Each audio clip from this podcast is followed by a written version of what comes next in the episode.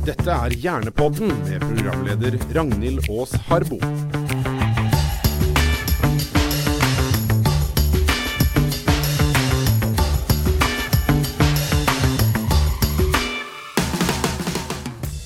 Du vet den følelsen når du går gjennom dagen og det føles ut som hjernen din er liksom lagd av bomull. Alt er hakket mer irriterende enn det pleier å være. Du oppdager kanskje midt i et møte at du har tatt genseren på vranga, og alt går litt treigere. Og grunnen er du har sovet skikkelig dårlig. Kanskje fordi at du bare sleit med å sove den natta, eller så kanskje er du en del av den 15% av Norges befolkning som faktisk har en søvnlidelse. Mye av det her henger sammen med, du gjetter det, hjernen. Nå skal vi snakke om hvordan søvn påvirker hjernen, hva som skjer når du ikke sover, og hva som er forskjellen på å bare ha et søvnproblem og det å faktisk ha en lidelse. Og med det, velkommen til deg, Marit Aschehoug. Du er sekretær i Søvnforeningen. Hei. Hei, hei. Du, Hvordan sov du i natt, egentlig? Og jeg sov som en stein. Jeg sov nesten åtte timer og hadde 4,3 pustestopp i gjennomsnitt i timen. Veldig uthvilt i dag morges. Så deilig. Men akkurat det her med de her pustestoppene, det skal vi tilbake til, fordi du er en av de som har en lidelse. Men først må vi si hei til Bjørn Bjorvatn. Hei. Hei. Hei. Velkommen, kjekt å ha deg her. Takk for det. Du er, skal vi se, kan vi kalle deg søvnekspert? Ja, det må være lov. Du er leder av Nasjonal kompetansetjeneste for søvnsykdommer, og jeg må bare starte med å spørre deg, hvorfor er vi så avhengig av denne søvnen? Ja, Søvn er veldig viktig for veldig mange ting. Ja, tenk over at vi bruker en tredjedel av livet vårt i sovende tilstand, så å svare liksom én ting på det spørsmålet er nok umulig. Men det er viktig for å helt tatt bli uthvilt, fungere bra, men det er viktig for hukommelse. Det er viktig for å fjerne avfallsstoffet fra hjernen så ikke det hoper seg opp. Det er viktig for veldig, veldig mange ting, og viktig for alle kroppens organer. Men hva, hva, er det som egentlig skjer i hjernen da, når du har lagt deg ned på puta skrur av og forsvinner inn i drømmeland? Ja, Mye av dette er nok fremdeles ikke helt avklart. Det er vanskelig å bli helt, eh, forstå søvnen helt, men, men, det vi kan se når vi registrerer søvn, er at hjernebølgene blir annerledes. Altså En del av hjernecellen ser ut til å være skrudd litt av, mens andre hjerneceller er på en måte mer påskrudd og mer aktive. Slik at det foregår mange prosesser i søvn som ikke skjer i våkentilstand. Slik at eh, søvn er et veldig spennende og, og, og som du da spurte om, sant, et veldig avgjørende fenomen for det hele tatt å fungere. Men du sa fjerne avfallsstoffer. Hva, hva, er det som skilles ut oppi der når vi sover? Ja, en av teoriene er, er at uh, under våkenhet så danner det seg en del avfallsstoffer. Og under søvn så blir de da fjernet fra hjernen, hvis ikke så blir de på en måte værende der. Og det En av de mest aktuelle teoriene nå er at det kan være med å forklare på en måte utvikling av demens. altså Hvis ikke man sover godt, så øker den risikoen. har man med. Men Det er mange spørsmål som er ubesvart, men, men man tenker seg at søvn er viktig for å på et vis fjerne en del stoffer som dannes under våkenhet. da. Yes, så hvis du ikke sover, så er det nesten som du på en måte forgifter hjernen med avfallsstoffer? Ja, Det er en av de mest på en måte, aktuelle teoriene. Nå er jo det en teori, og, og, selv om det er en del ting som kan tyde på det, så er det nok viktig å være litt sånn tilbakeholden med å konkludere. Men det er jo en interessant teori om at hjernen på et vis vaskes under søvn. At eh, man, hjernen fungerer som på en måte, eller søvn fungerer som, som uh, viktig fenomen for å, å skille ut disse avfallsstoffene. Så sunn eh, hjernevask der, altså? Ja. Visste du at området hvor musikk er lagret, er noe av det siste som aldres i hjernen? Derfor kan mennesker med langt framskreden demens huske sangtekster fra barndommen. Men hva skjer nå hvis du ikke sover? Ja, det tror jeg mange egentlig har opplevd en natt med dårlig søvn. Og, og, ja. og merker man fungerer litt sånn som du mm. introduserte. At man føler seg trøtt, sliten og uopplagt. Eh, og hjernen fungerer liksom ikke. Mm. Eh, hukommelsen blir dårligere, og konsentrasjonen blir dårligere. Og særlig hvis det varer over litt tid, så kan man jo bli depressiv og sur og grinete. Og kanskje bare én natt er nok for å bli grinte. ja, det, hvis jeg skal snakke ut ifra meg sjøl, så kan jeg eh, bekrefte det. altså. Det, mm. det, ja, det legger liksom litt i, i, hjernen. Men Marit, du vet jo litt hvordan det er å ikke sove så godt. Ja, jeg kan godt sove åtte timer før jeg fikk diagnose og fikk hjelp mot søvnapné. Men å være like sliten, og kanskje enda sliten når du våkner etter åtte timers søvn. Ja, fordi du har søvnapné. Hva, hva er det for noe? Jeg slutter å puste om natten i perioder fordi tunga ramler bakover i svelget, og du tetter igjen svelget. Det høres jo livsfarlig ut. Ja, det er jo i grunnen det, da. For det sliter jo veldig på kroppen. Så det er ikke noe sunt i lengden hvis ikke du får behandling, og det har jeg fått. Men før jeg fikk behandling, så kjente jeg at jeg kunne sove lenge og være like sliten, om ikke mer sliten om morgenen. Det er litt på det som Bjørn sa, at du har dårlig søvn istedenfor uh, god søvn. Men eh, visste du det? At du hadde det? Nei. Hvordan fant du ut av det, da? Jeg var på tur i California, på roadtrip sammen med min amerikanske svigerinne og datteren min. Og vi kjørte da fra San Francisco til Los Angeles langs med Highway 1 i en rød Fint bil. der, altså. Ja. Så overnattet vi i Carmel og delte et stort rom, vi tre damene. Og neste morgen så satt eh, svigerinnen i sengen og så på meg og sa at du må gå, på, gå til legen med en gang du kommer hjem, for du puster ikke om natten. Du snorker, og så slutter du å puste. Det samme har broren din, du må gå til legen med en gang. Og gjorde du det? Ja, jeg gjorde jo det. Det var jo lange ventelister, men um, siden vi har en historie med flere med søvnapné i familien og mye hjerteproblemer, så fikk jeg um, prioritet i køen, og fikk da en um, maskin som heter CPAP, og som gir trykkluft som holder svelget åpent om natten. Men eh, før, før eh, denne roadtripen, hadde du en mistanke sjøl om at det, det var et eller annet som skurra? Nei, overhodet ikke. Jeg var blitt alene. Mannen min var død, og da mm, sov jeg jo alene. Og det var jo ingen som merket at jeg sluttet å puste. Nei, sant? Kan du ha dette her uten å, å vite det, og så Ja, det tror jeg Bjørn kan svare på. Ja, at det er Bjørn, mange som har på det? uten å vite om det. Ja, akkurat søvnapne er en diagnose som på en måte krever objektive funn, og, og mange pasienter kan ha det uten å være klar over det. Nå er det jo slik at, at de klassiske symptomene er gjerne da høylytt snorking og at man observerer pustestopp. Eh, Men hvis man bor alene, så er det jo vanskelig å vite om man snorker og om man har pustestopp. Tretthet på dagtid er kanskje et vanlig symptom også, som kan gjøre at man bør tenke i de baner iallfall. Men tretthet på dagtid kan jo være så mye. Mm. Trenger ikke være søvnapné, men søvnapné er en grunn man må tenke på hvis man er veldig påfallende trøtt på dagtid. Mm. Men, Men- uh, særlig hvis det er observerte pustestopp, sånn som hos Marits tilfelle, så er det jo eh, åpenbart at det bør utredes. Men er det altså så farlig med søvnapné? Ja, Søvnapné er, er en farlig lidelse rett og slett fordi, som lidelsen sier, at man stanser å puste om natten. Det betyr jo at man ikke får oksygen ned i, i lungene. Mm. Og da vil jo hjerte og, og hjerne spesielt da skrike etter oksygen, og, og uten oksygen så fungerer man jo ikke så veldig godt. Mm. Og Det er på en måte grunnen til at man da våkner jo opp igjen etter disse pustestoppene, skrikende etter eh, oksygen, og gjerne da i et kraftig snork, der man trekker pusten kraftig. Eh, men hvis man ikke starter å puste igjen, sånn, så, ja, så sier det seg selv at da dør man jo. Man må puste for å leve. Herlig. Så det var skummelt å sove òg nå. Men eh, Marit, eh, du sa du hadde tre pustestopp i timen i natt. 4,3. Det er 4,3. helt innafor. Det er helt innafor. I timen, vel å merke. I timen, ja. Hvordan Men eh, påvirker det deg noe i hverdagen, det, da? Nei, det, nå har jeg jo god behandling med en CPAP-maskin som gir mottrykk, sånn at jeg holder svelget åpent. Ja. Og det fungerer veldig, veldig godt. Mm. Det må jeg virkelig si. Men eh, før jeg fikk det, så var jeg sliten om morgenen. Veldig sliten. Noen dager kom jeg meg rett og slett ikke på jobb, for jeg var helt zombie. Og visste ikke hvordan jeg skulle få bena ut av senga, og hjernen fungerte ikke.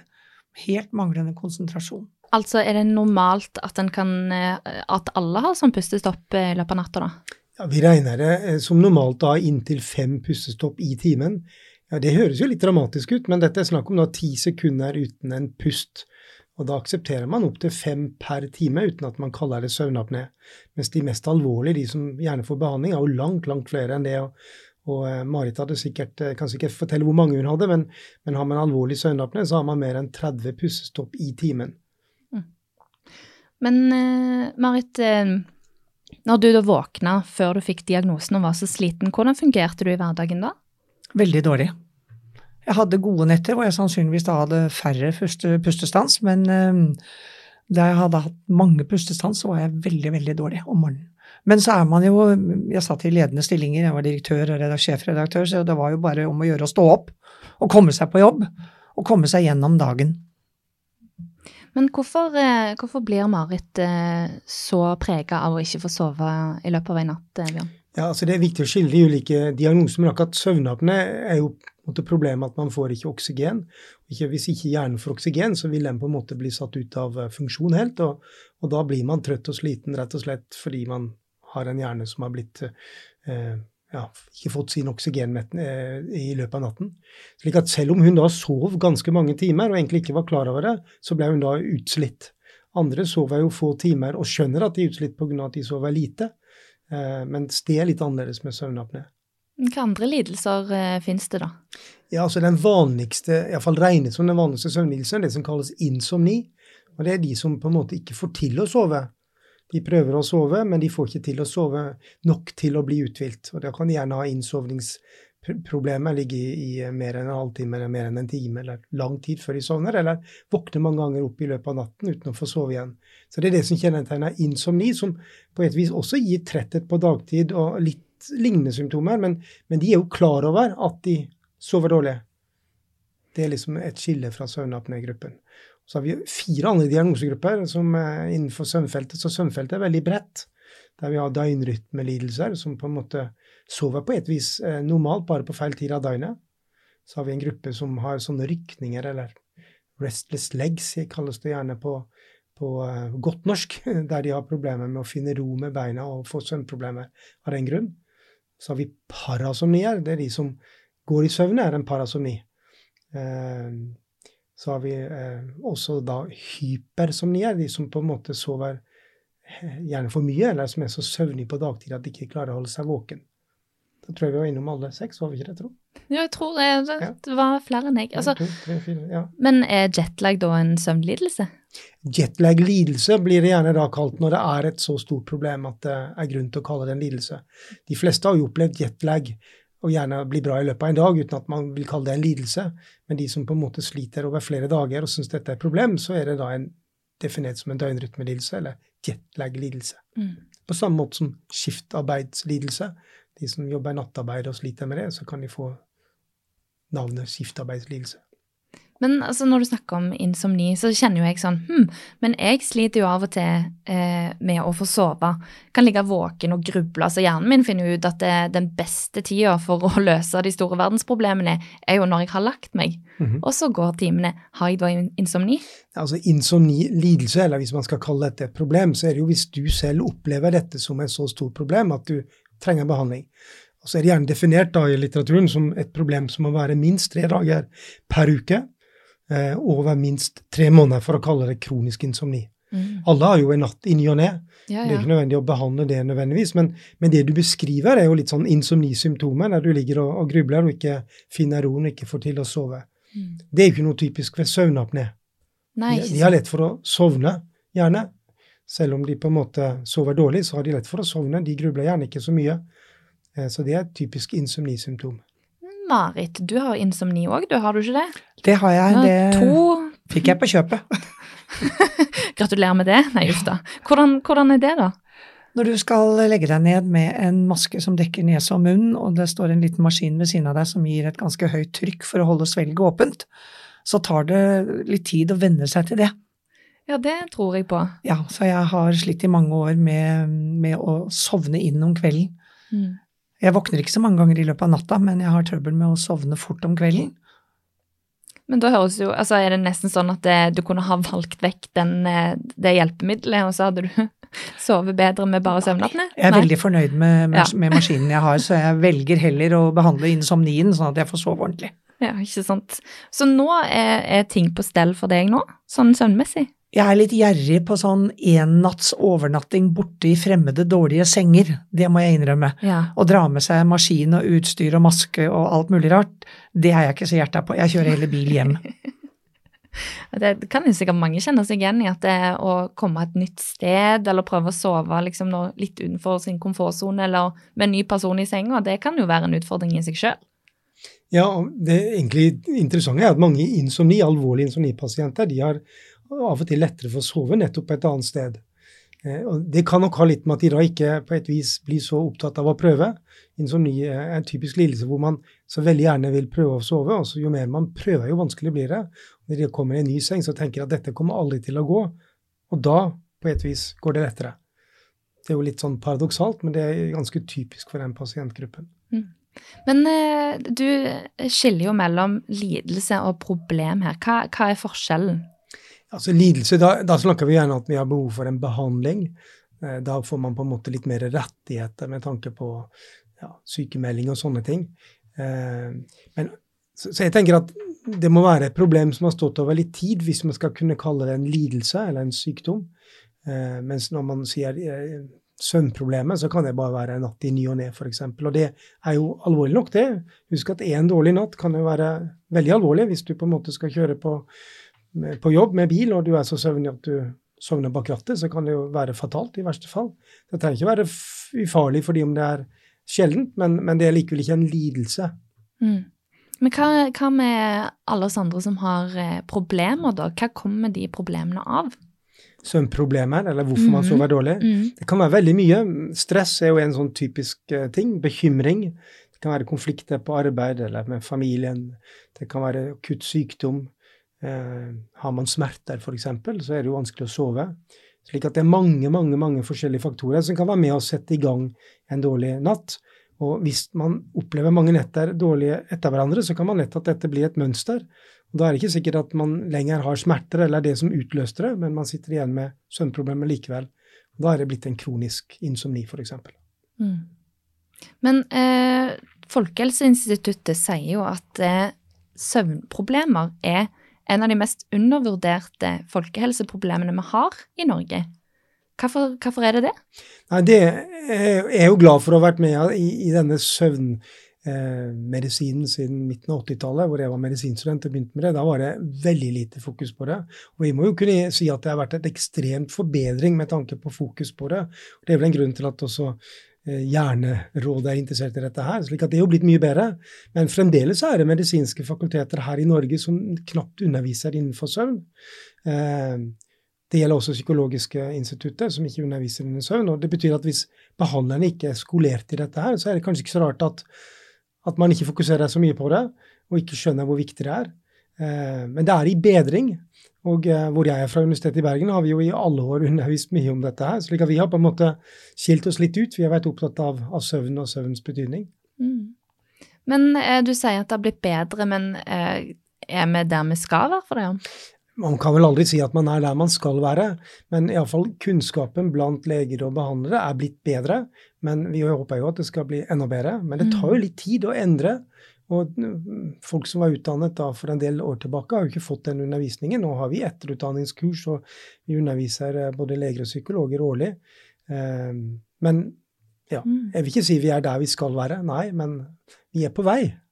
Men hva, hva gjør du da hvis du, hvis du lurer på om du har en lidelse, at dine søvnproblemer er litt mer enn bare vanlig problem, og du går til legen. Ja, da går du til fastlegen. Det er liksom mm. første inngangsport. Og da snakker du med fastlegen og diskuterer litt med fastlegen. Det kan være aktuelt å ta blodprøver. Det kan være aktuelt å få behandling. Det kan være aktuelt å bli henvist videre. Det kommer litt an på hva fastlegen finner og mener. Mm. Eh, så er det jo slik at ikke alle fastleger er like på en måte eh, interessert i det. Og eh, hvis ikke de er interessert i det, så er det jo litt vanskeligere for pasienten. Da må man jo kanskje ja, Jeg vil jo anbefale Nasjonal kompetansetjeneste for søvnsykdommer sine hjemmesider. Der står det masse informasjon om, om de ulike søvnlidelsene. Man kan også ta en test der man finner ut av hvilken søvnlidelse man har. Så kan man jo ta det med seg til fastlegen og, og spørre om det er noe hjelp for dette. Mm. Visste du at gliacellene i hjernen har fått navnet sitt fordi glia betyr lim? Dette er fordi vi trodde at gliacellene ikke hadde noe særlig funksjon, men var limet mellom nevroner. Nå viser det seg at gliaceller sannsynligvis er en slags vaktmestercelle, og en av funksjonene er å rense hjernen for avfallsstoffer.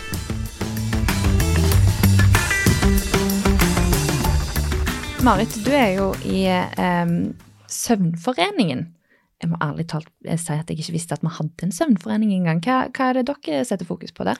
Vi er en pasientforening for i og for seg alle søvndiagnosene, men søvnapne er jo den aller største. Men det omfatter også hypersomniene, som har vært en voksende gruppe de siste årene. Og det vi gjør, er jo å tilby informasjon, ikke bare til pasientene, men også til fastleger, for å bidra til å øke kompetansen der. Mm. Og drive politisk eh, påvirkning for å få øket bl.a. Eh, undervisningstimer i søvn på medisinsk fakultet. Fordi, eh, altså Når jeg sitter og tenker på det her nå, så søvn det er jo så hverdagslig. Vi gjør det jo hver dag. Eh, du sier vi bruker en tredjedel på å sove. Er det liksom så naturlig for oss at det kanskje derfor vi på en måte egentlig ikke tenker på det som en sånn reell sånn helsefremmende ting. Altså, Ja, jeg tror det er noe av grunnen at man har tenkt på litt eh, rundt det som det. Men jeg prøver å sammenligne søvn litt som kosthold og mosjon, som også er veldig viktige ting. Og hvis vi går tilbake til skolegangen vår, så iallfall eh, jeg og mange andre husker godt vi lærte en del om kosthold og mosjon, men søvn hørte vi ikke så mye om. Og det burde man ha startet med å undervise om allerede på barneskolen og ungdomsskolen og videregående skole, for det er så viktig for å kunne tilegne seg kunnskap. Og med tanke på hvor viktig søvn er for rett og slett å, å spikre minner i, altså huske ting, at minnet blir spikret fast i hjernen, så er det jo da vesentlig å lære ungdommen f.eks. å prioritere søvn litt høyere, og ikke sånn som mange ungdommer i dag tenker nok på søvn som et nødvendig onde, og gjerne kutter ut. Og det gjelder kanskje ikke bare ungdommen, men også en del unge voksne. Ja, for det er jo kult å være oppe seint og få lov til å være oppe litt ekstra lenge og sånn. Ja. Og døgnene, det er i et begrep på Vestlandet, Ja. hvor man går døgnet uten å sove, det er jo veldig kult. Eh, Men det er jo veldig dumt og veldig eh, uheldig. Jeg er veldig negativ til at det skal være kult. Det burde vært eh, kult å legge seg tidlig og nyte søvnen og sove til neste morgen og høre fuglekvitter neste dag og ja. Vi må rett og slett uppe gamet til søvnstatusen med. Få Ja. det litt opp. ja. Ja. Og det er det trender i tiden rundt det. Altså Noen kjenner Huffington Post i USA, hvor hun har tatt veldig til orde for hun som heter Huffington. Eh, Hun var jo på Skavlan og snakket om dette her. Det kommer også bøker fra USA, og jeg har tatt det med i mine bøker, og hvor viktig det er å sove. Og folk skjønner det, at det er dumt å prioritere det vekk. Ja, men altså, vi vet jo altså, det her med at en føler seg litt sånn uggen og rar og treig i toppen eh, en dag etter å ha sovet skikkelig dårlig. Men er det farlig? Altså Bortsett fra typ folk som har søvnapné, da, men er det farlig for meg å sove dårlig? Ja, det er egentlig det. Eh, Og det er så populært å velge det vekk, fordi det er så mye mer spennende å være våken. Men det er ikke uten problemer. Så er det mange som da kompenserer med to kopper Red Bull eller eh, kaffe, og, og føler man fungerer rimelig bra. Men, men å tro at det er helt uten noen risiko eller konsekvenser på sikt, det er jo det vi prøver å formidle, at det er ikke uten den risikoen. Eh, Og da ser vi altså at folk som sover for lite over tid, de har økt vekt, økt diabetes, økt hjerte-karsykdom, økt dødelighet. Det øker egentlig alle lidelser du kan tenke deg hvis du sover for lite over tid. Nå er det jo slik at mange sover litt lite, men det er jo klart at dette er jo avhengig av hvor mye for lite. Eh, Så hvis du er veldig på underskudd, så er det eh, åpenbart farlig. Er du bare litt på underskudd, så kan det være det går bra, men det beste hadde vært å prøve å være uthvilt hver eneste dag. Det er jo noen, eh, blant annet Donald Trump, som skryter av at han bare sover tre-fire timer om nettene. Altså, er det noe å skryte av? Eh, nei, det vil jeg ikke si er noe å skryte av. Nå er det jo slik at noen er kortsovere, som det heter, altså klarer seg med veldig lite søvn. Og de er jo veldig heldige, de som klarer seg med få timer. Men det er nok også mange av de som skryter at de klarer seg med få timer, som egentlig ikke fungerer slik de burde. De kompenserer denne korte søvnlengden med mye koffein, eh, og at eh, vi burde nok anbefale de å sove lenger, og da vil de fungere bedre. Men disse har jo på en måte valgt å sove lite, da, egentlig. Ja, altså noen på en måte presser kroppen og sover mindre enn de egentlig har behov for, og kompenserer det med, med koffein eller på annet vis. Eh, Og det er jo et problem, og det er farlig. Det er det vi prøver å kommunisere, at det er ikke uten konsekvenser å gjøre det. Kroppen får eh, problemer over tid. Eh, Det går kanskje en, en natt eller to, men, men på sikt så er dette veldig ugunstig. Men jeg tenker det er sikkert veldig mange som gjør det. Ja, vi vet jo ikke akkurat hvor mange, men det er nok antageligvis ganske mange som sover mindre enn de egentlig trenger. Og det ser vi kanskje i uttrykk i form av at de må ha vekkerklokke for å våkne om morgenen og, og drikke en og to kopper kaffe for å komme i gang. Og når helgen kommer, så sover de tre-fire timer lenger. Alle de tingene peker jo på at de er på underskudd i løpet av ukedagene. Men må egentlig ta oss sammen, da. Ja, altså det er viktig å skjønne at søvn er viktig, og at man bør prioritere det istedenfor å velge det vekk. Men det er jo lett for meg å forstå at det er mye mer spennende å være våken. Altså Det er jo da tingene skjer. og Det er fristende å være oppe lenge. Men når man da må opp tidlig om morgenen, så, ja, så må man eh, passe på å legge seg tidsnok. Eller så får man da problemer med å holde seg våken på dagtid. Men du sier jo òg at søvn er ganske individuelt. Så kanskje Donald Trump klarer seg med tre-fire timer natta fordi han sover sinnssykt godt når han først eh, legger seg nedpå? Ja, jeg vet ingenting om Donald Trump, men jeg vet at mange næringslivsledere og andre på en måte sover lite også fordi de på en måte må, sier de, fordi det er så mye som skjer. Men det har jo masse forskning vist at du blir kanskje mer produktiv hvis du velger å sove litt mer, og da får du gjort mer enn du gjør hvis du sover så lite som de da gjør. Mm. Så jeg tror mange tror at det å sove lite gjør at du får gjort mer, men det er nok ikke tilfellet. Men så har du òg, eh, sånn som du sier, at du kan jo um, sove gjennom en hel natt, men føler deg liksom ikke uthvilt dagen etterpå likevel. Har det noe med disse her søvnestadiene å gjøre? Ja, du kan si Når vi går inn i søvn, så går vi inn i ulike søvnstadier. Og Den viktigste søvnen for å bli uthvilt neste dag er den dype søvnen. Og Den dype søvn har man i løpet av de første tre-fire timene av søvnperioden. Så det er liksom regnet som kanskje den, den viktigste søvnen. Så har man såkalt rem-søvn, som mange har eh, gjerne hørt om, som, som kjennetegnes av eh, gjerne mye drømmeaktivitet. Nå kan man drømme i de andre søvnstadiene også, men de mest liksom bisarre, merkelige drømmene, det er typisk rem-søvndrømmer. Eh, Remsøvn har vi kanskje mer av mot slutten av natten, og er ikke så viktig for å bli uthvilt, men kanskje mer viktig for andre ting, bl.a. kreativitet og kanskje for å holde den psykiske helsen ved like osv. Så, videre. så alle søvnstadiene har spesifikke funksjoner for å fungere best mulig. Og det som kjennetegner de som sover for få timer, er egentlig ikke at den dype søvnen forsvinner, for den er på en måte prioritert, så den på en måte klarer de kanskje å, å få med seg, men de mister mye av rem-søvn og lettere søvnstadier. Og Det kan kanskje forklare at uh, man da får, kan få mer problemer psykisk sett, og også dårligere kreativitet og fungerer dårligere. Studier har også vist at folk som sover få timer, lyver mer. De blir mer uetiske. Det er sant. Så det er også viktig å passe på å få nok søvn og alle søvnstadiene. Hører dere det, alle kreative folk der ute? Dere må hjem og så sove. Dette var nytt for meg. Det... Ja, tenk over det. altså mange, Man har et begrep om å sove på det. Ja. Altså Man har et problem man ikke har klart å løse, og så sover man en god natt, og så plutselig har man løsningen. Det Sove på det er et, er et begrep som man finner i alle språk. Så det er jo noe som er erkjent. Vi har også hørt om pianister som sliter med å spille et uh, stykke, men så neste morgen når de har sovet, så får de det plutselig til. Slik at det er noe med søvn og disse søvnstadiene, kanskje da særlig rem-søvnen, som gjør at man kan klare å løse ting. For under rem-søvn så er hjernen veldig våken. Altså hjernen er ganske aktiv. Da tenker man seg at det kan danne seg mange eh, interessante koblinger som gjør at man kan kanskje løse vanskelige problemstillinger. Det var helt nytt for meg at disse drømmene faktisk har en slags form for nytte. Ja, jeg er ikke sikker på om jeg vil si drømmene, men rem-søvn. Ja. Så det kan godt være at dette er uavhengig av drømmen. Eh, men, men, det er et søvnstadie som er altså ganske våpent, som man trenger kanskje da for å ja, utvikle seg og problemløse kreative psykiske ting.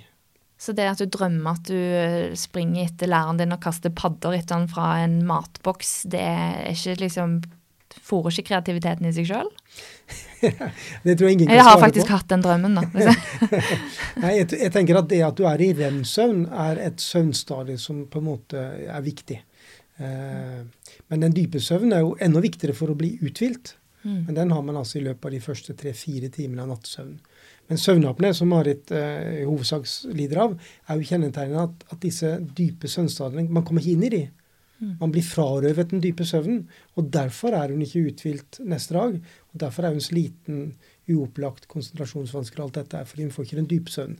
Rem-søvnen er nok også påvirket, men det er kanskje den dype søvnen som forklarer de symptomene, iallfall i størst mulig grad. Du nevnte demens òg i stad. Ja, det er litt mindre tydelig, de dataene, men det har vært noen data som peker også på at hvis du sover for lite over tid, skiftarbeidere f.eks., som får problemer med å sove litt pga. skiftarbeid, der har man vist at det er en viss økt risiko for demensutvikling. Nå er det, jeg syns det er litt viktig å være litt forsiktig med å konkludere, for det trengs flere studier. Men når det gjelder hjerte-kar, diabetes, overvekt, så er dataene ganske overbevisende. Og det har vært mange, mange, mange studier som viser at for lite søvn i forhold til ditt eget søvnbehov, da løper du risikoen. Men hvor mye av det her henger sammen med hjernen, egentlig? For jeg tenker sånn, Hvis vi bare hadde hatt en kropp, og hvis vi ser vekk fra hjernen, hadde kroppen da trengt den faktiske søvnen, eller er det nok med hvile da? Ja, det er et godt spørsmål. Jeg har tidligere ment at det er hjernen som trenger søvn, og kroppen trenger hvile. Men, men jeg er ikke helt sikker lenger. Men hjernen iallfall er jo åpenbart eh, det organet i kroppen som virkelig trenger søvn. Det hjelper ikke med hvile. Hjernen må ha søvn. Ja, for hva skjer egentlig når vi sovner i hjernen? Altså, skrus den av, eller skjer det ting fortsatt der? Hva er liksom søvn? Man stenger jo på en måte ut uh, inntrykk utenifra. Og så skjer det masse mange mekanismer i hjernen, og det er ikke alt vi forstår helt, men, men visse områder i hjernen blir mer aktive. og mange områder i hjernen blir mindre aktive. Men det skjer en, da, på en måte en endring i hjernen som gjør bl.a. at man flytter minner fra korttidshukommelsen over til langtidshukommelsen, som er konkret, et, et, konkret eksempel. Og det skjer spesielt under søvn. Så derfor, derfor er dette med hukommelse viktig eh, med tanke på søvn. Eh, men det skjer også all mulig annen altså regenerering av, av eh, overskudd. Altså hvis du på en måte ikke sover, så blir du bare trøttere og trøttere. Så på et vis så, så vil søvn gjøre at du blir uthvilt, og neste dag er klar igjen. Altså, det er det mange opplever som sover godt, da, sånn som Marit sa innledningsvis. Hun våkner og er uthvilt og er klar på å ta fatt på neste dag. Men hvis du sover dårlig, så våkner man ikke uthvilt. Og det er en fantastisk følelse å være uthvilt, er det ikke? Å våkne opp og bare i dag, i dagen. Åh, men eh, er det nok? Kan du ta det igjen med å sove litt på dagtid, da? Nei, altså Man tar jo igjen litt, men det er viktig å understreke at man tar ikke igjen alt. Og mange er jo på underskudd hele uken og sover ute i helgene. Så har man lurt på er det greit nok. Eh, og man tar jo igjen litt i helgene. Problemet med det er at man tar ikke igjen alt. Og det andre er at hvis man sover ute i helgene, så begynner døgnrytmen å gli litt. Mm. Da kan man få problemer med å sovne natt til mandag. Og så kommer man inn i en sånt uh, uheldig spor. Og så blir det bare verre og verre å få sove. Så budskapet er egentlig, så kjedelig det enn måtte høres ut, så er det å prøve å få nok søvn hver eneste dag. Åh, ja, men det er så godt å sove lenge i helga. ja, men hvis du sover veldig lenge i helgen, kan det da tyde på at du er litt på underskudd? Ja, altså, jeg er ikke fremmed for den tanken der. Altså, jeg kjenner at jeg går litt i meg sjøl og sier åh, Ragnhild, du prioriterer ikke dette godt nok. Ja, for Hvis du hadde sovet nok hver dag, mm. så ville du mest sannsynlig ikke hatt det behovet for å sove ute i helgene. Så jeg ville tenke det var et på en måte tegn på at du kanskje har litt for lite søvn. Samme er det hvis du hver eneste dag vekkes av vekkerklokke og må drikke én til to kopper kaffe for å komme i gang. Ja, da er guilty as charge, som det heter. det gjelder veldig mange. ja, ja, ja. Men hvor mange timer må man ha, da? Marit, du sov åtte nesten, nesten, du. Fy søren. Ja, der er jeg veldig opptatt av å ikke si et bestemt antall timer, for det er så stor variasjon fra person til person. Men hvis man er uthvilt på dagtid, så har man jo sovet nok. Og for de aller fleste så ligger det mellom seks og ni timer. Og mm. snittet i Norge blant voksne er 7-7,5. Ja, da jeg, tror jeg er litt sånn nære, sånn rett under der, jeg, altså. Men um, er det det her med å eh, sove i eh, helgene da, når du henter deg inn igjen Jeg har bare litt lyst til å Det er lov, sant? Jeg kan gjøre det? Ja, Så lenge ikke du får problemer med å sove til kvelden, så er det helt greit. Og ja. Det er mange som sover eller har høneblunder på vanlige hverdager òg, det er jo ikke helt uvanlig. Og vi tenker at så lenge man sover greit igjen til natten, så er det ikke noen grunn til noe eh, advarsel. Men hvis man får problemer med å sovne, så er jo gjerne mm. ettermiddagshvilen noe av det første vi tar vekk. da. Mm. Visste du at hjernen har et eget område som kalles sjalusiflekken? Når forsøkspersoner leste informasjon om personer som var viktigere enn dem selv, forårsaket dette sjalusi og samtidig aktivering av sjalusiflekken.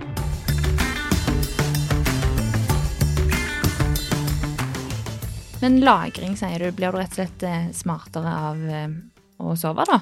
Ikke sant. Og ikke bare du blir smartere, du blir penere. Det er jo et viktig budskap til, eh, til ungdommen, ikke minst, som er så opptatt av utseendet. Altså det er vist seg at folk som da, Hvis du tar personer, normale personer, og så lar de sove en normal natt og en natt med dårlig søvn, og så får du de evaluert dagen etterpå hvor pene og attraktive de ser ut, ja, ja. så kan man se forskjell. Ja. Mm. Så derfor er viktig, søvn viktig for både hukommelse, men også for skjønnhet. Men er det det Altså, det, alle vet jo at en kan se ganske sliten i fjeset ditt og sove dårlig en natt, men er det det òg på sikt? kan det ha noe sånn Man vet ikke egentlig det, Nei. men uh, det er vel all grunn til å være bekymret for det. Hvor lenge kan en gå uten søvn, da? Ja, altså, Før en liksom segner om å dø? Ja, for man vil nok da eh, til slutt dø, faktisk. For man klarer ikke å holde seg våken over lang nok tid uten at man får alvorlige konsekvenser. Mm. Så, så, vil man jo bli så søvnig at man ikke klarer å holde seg våken selv. Man sovner stående til og med da. Så, eh, men mus og rotter, da. Man holdt våkne og sett hvor lenge det går, og da, etter ca. 18 døgn, så bryter hele immunforsvaret sammen, og så dør de. Um, ja, så litt at man trenger søvn også for å overleve. Ja, det er vel en torturmetode òg, om jeg ikke tar helt feil. Ja, Holde folk våkne. Og Det er jo det som er interessant med, når man snakker om tortur. altså man, da, man, får jo folk til å innrømme hva som helst, og gjerne ting de ikke har gjort heller. Hvis du bare tar vekk søvnen, så innrømmer du at du har gjort litt av hvert. Derfor er jo dette veldig uheldig å bruke med tanke på kriminelle, for de vil gjerne si at de drepte både den ene og andre bare for å få lov å sove. Så det er ikke noen god avhørsmetode. Det er blitt avklart de siste årene. Herlighet.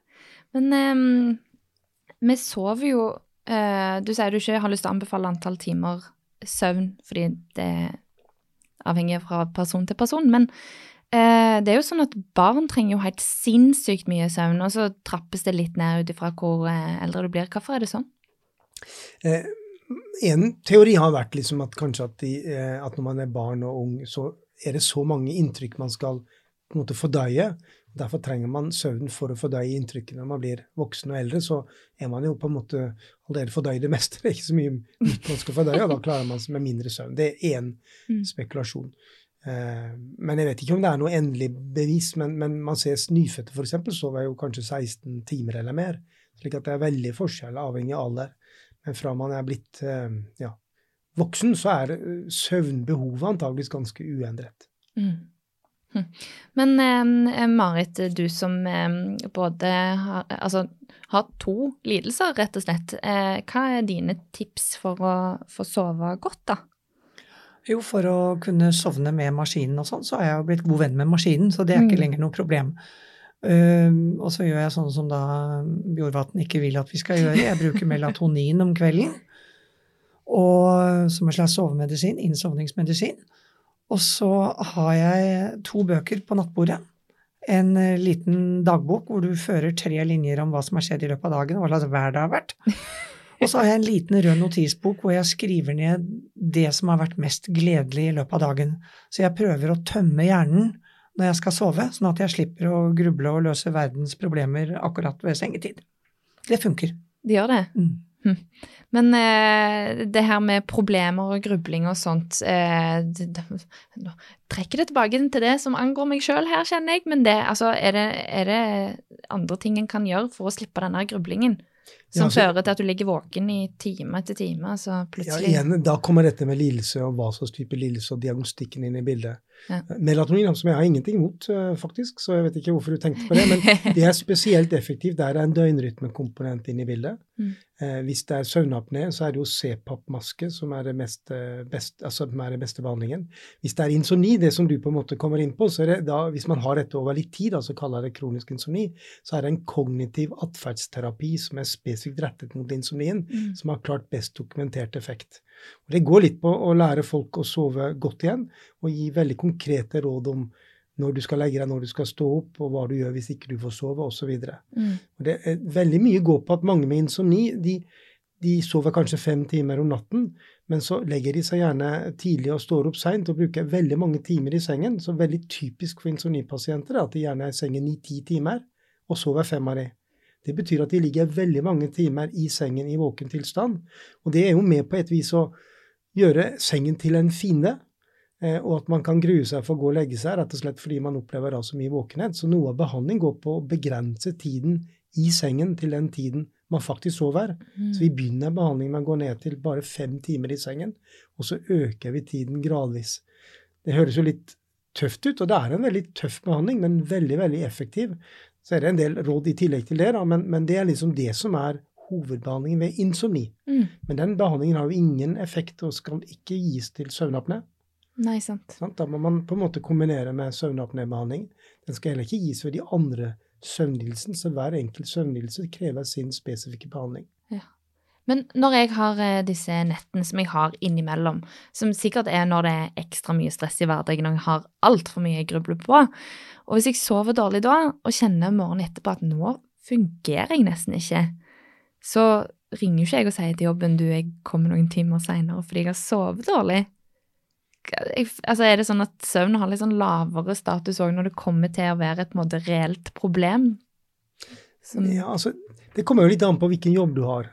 Altså, noen jobber så kan man jo ikke gå på jobb hvis man fungerer så dårlig. Hvis man f.eks. skal eh, passe på eh, apparatet som skal gi alarmer, og hvis man sitter der og smådupper, så går ikke det an. Skal man håndtere pasienter, så må man kanskje melde seg syk. Men det er jo et viktig budskap til deg, da, hvis du, sånn som du beskriver, at du på en måte prøver å roe ned, unngå stress, bekymring før du skal legge deg. Og hvis du har masse bekymringer rett før leggetid, så ville jeg utsatt sengetid. Altså ikke legg deg når du har disse bekymringene. Da på en måte ender du gjerne opp i sengen og, og kaver og bare får det vondt verre. Sett deg, sett deg en halvtime i sofaen eller stolen og, og blå litt med øynene. Og, og gjør litt sånn som de rådene som, eh, som Marit nevnte. og Skriv litt ned i en bok på positive ting, negative ting. Altså Gjør litt ferdig med alle bekymringene før du kommer i sengen. Mm. Det vil jeg nok absolutt anbefale. Og så er det viktig å stå opp til samme tid hver dag. Det er veldig viktig for å unngå at døgnrytmen glir, og at søvnproblemene kan tilta. Tror jeg må kjøpe meg sånn ei rød bok, jeg, Marit. Men hvordan var det for deg da, når du eh, eh, sleit med søvnen og var i full jobb i tillegg? Hva gjorde du når du kom på jobb? Flink pike hele tiden. Ja, ikke sant? Dro meg opp og gikk på jobb. Mm. Det var vel av og til at medarbeidere ikke fikk de svarene de hadde forventet, fordi jeg var nokså tung i hodet. Ja, ikke sant? Mm. Og jeg måtte skrive ned, fordi at, som Bjørn sier, hukommelsen lider under dårlig kvalitet på søvnen. Mm. Selv om jeg hadde sovet åtte timer, så hadde jeg veldig dårlig kvalitet på de åtte timene. Men eh, har du noen andre Nå ser jeg på deg som en sånn søvnguru, nesten egentlig begge to. Har du noen andre tips på lur? Ja, det er faktisk å være åpen med fastlegen din hvis du, som du sier, er litt uggen og kommer til fastlegen med litt sånn diffuse symptomer. Få, få fastlegen til å spørre om søvn.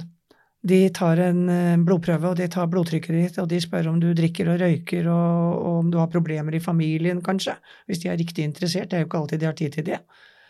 Men å få fastlegen til å spørre om søvn ville løst mange problemer for mange pasienter.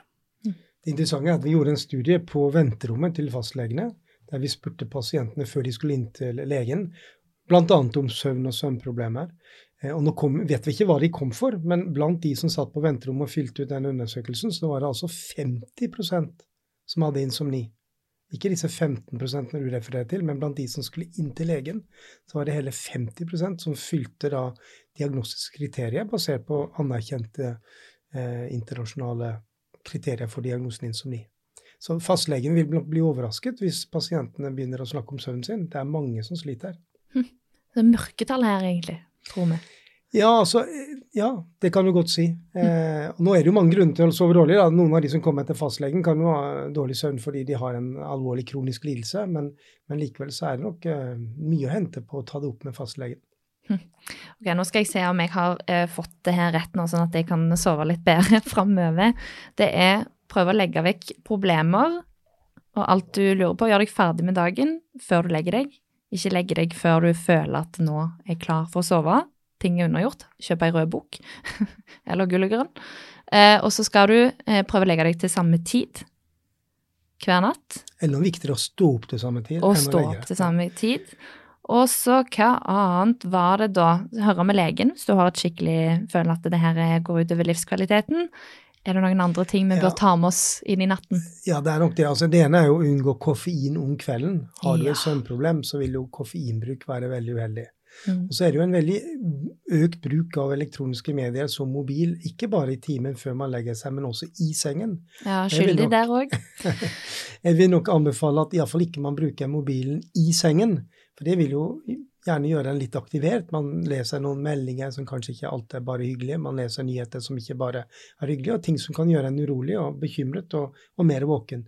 Så legge vekk eh, mobilen, det er jo et tips. Mm.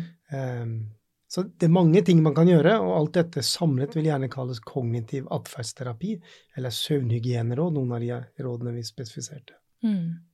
Og så er det jo kanskje at hvis du faktisk har en lidelse, så hjelper kanskje ikke disse tingene. Jo, altså de tingene jeg Ja, konkretisert nå, det er kognitiv Ja, atferdsterapi. ja, Den, ja. den hjelper hos uh, opptil 80% av pasienter med kronisk insomni. Så det er veldig mye å hente på behandling, Mm. men det er en relativt krevende behandling. Jeg kjente nå at jeg nesten ble litt sånn trøtt av å snakke om søvn. Ikke fordi det er for kjedelig, men kjenne, ja, kjente litt på den, altså. Er det sånn da at eh, hvis noen har hørt på denne rett før leggetid og legger seg til å sove, så vil denne informasjonen her nå bli lagra ekstra godt, og så blir den litt smartere i tillegg, eller? Ja, nettopp. Ja. Ja, ikke sant? Ja. Kjempesmart. Jeg holdt på å si god natt, men det skal jeg ikke si nødvendigvis. Men uansett, tusen takk eh, for at eh, dere kom, Marit eh, Askehaug og Bjørn Bjorvatn. Jeg sier god natt, jeg. Sov godt. God natt.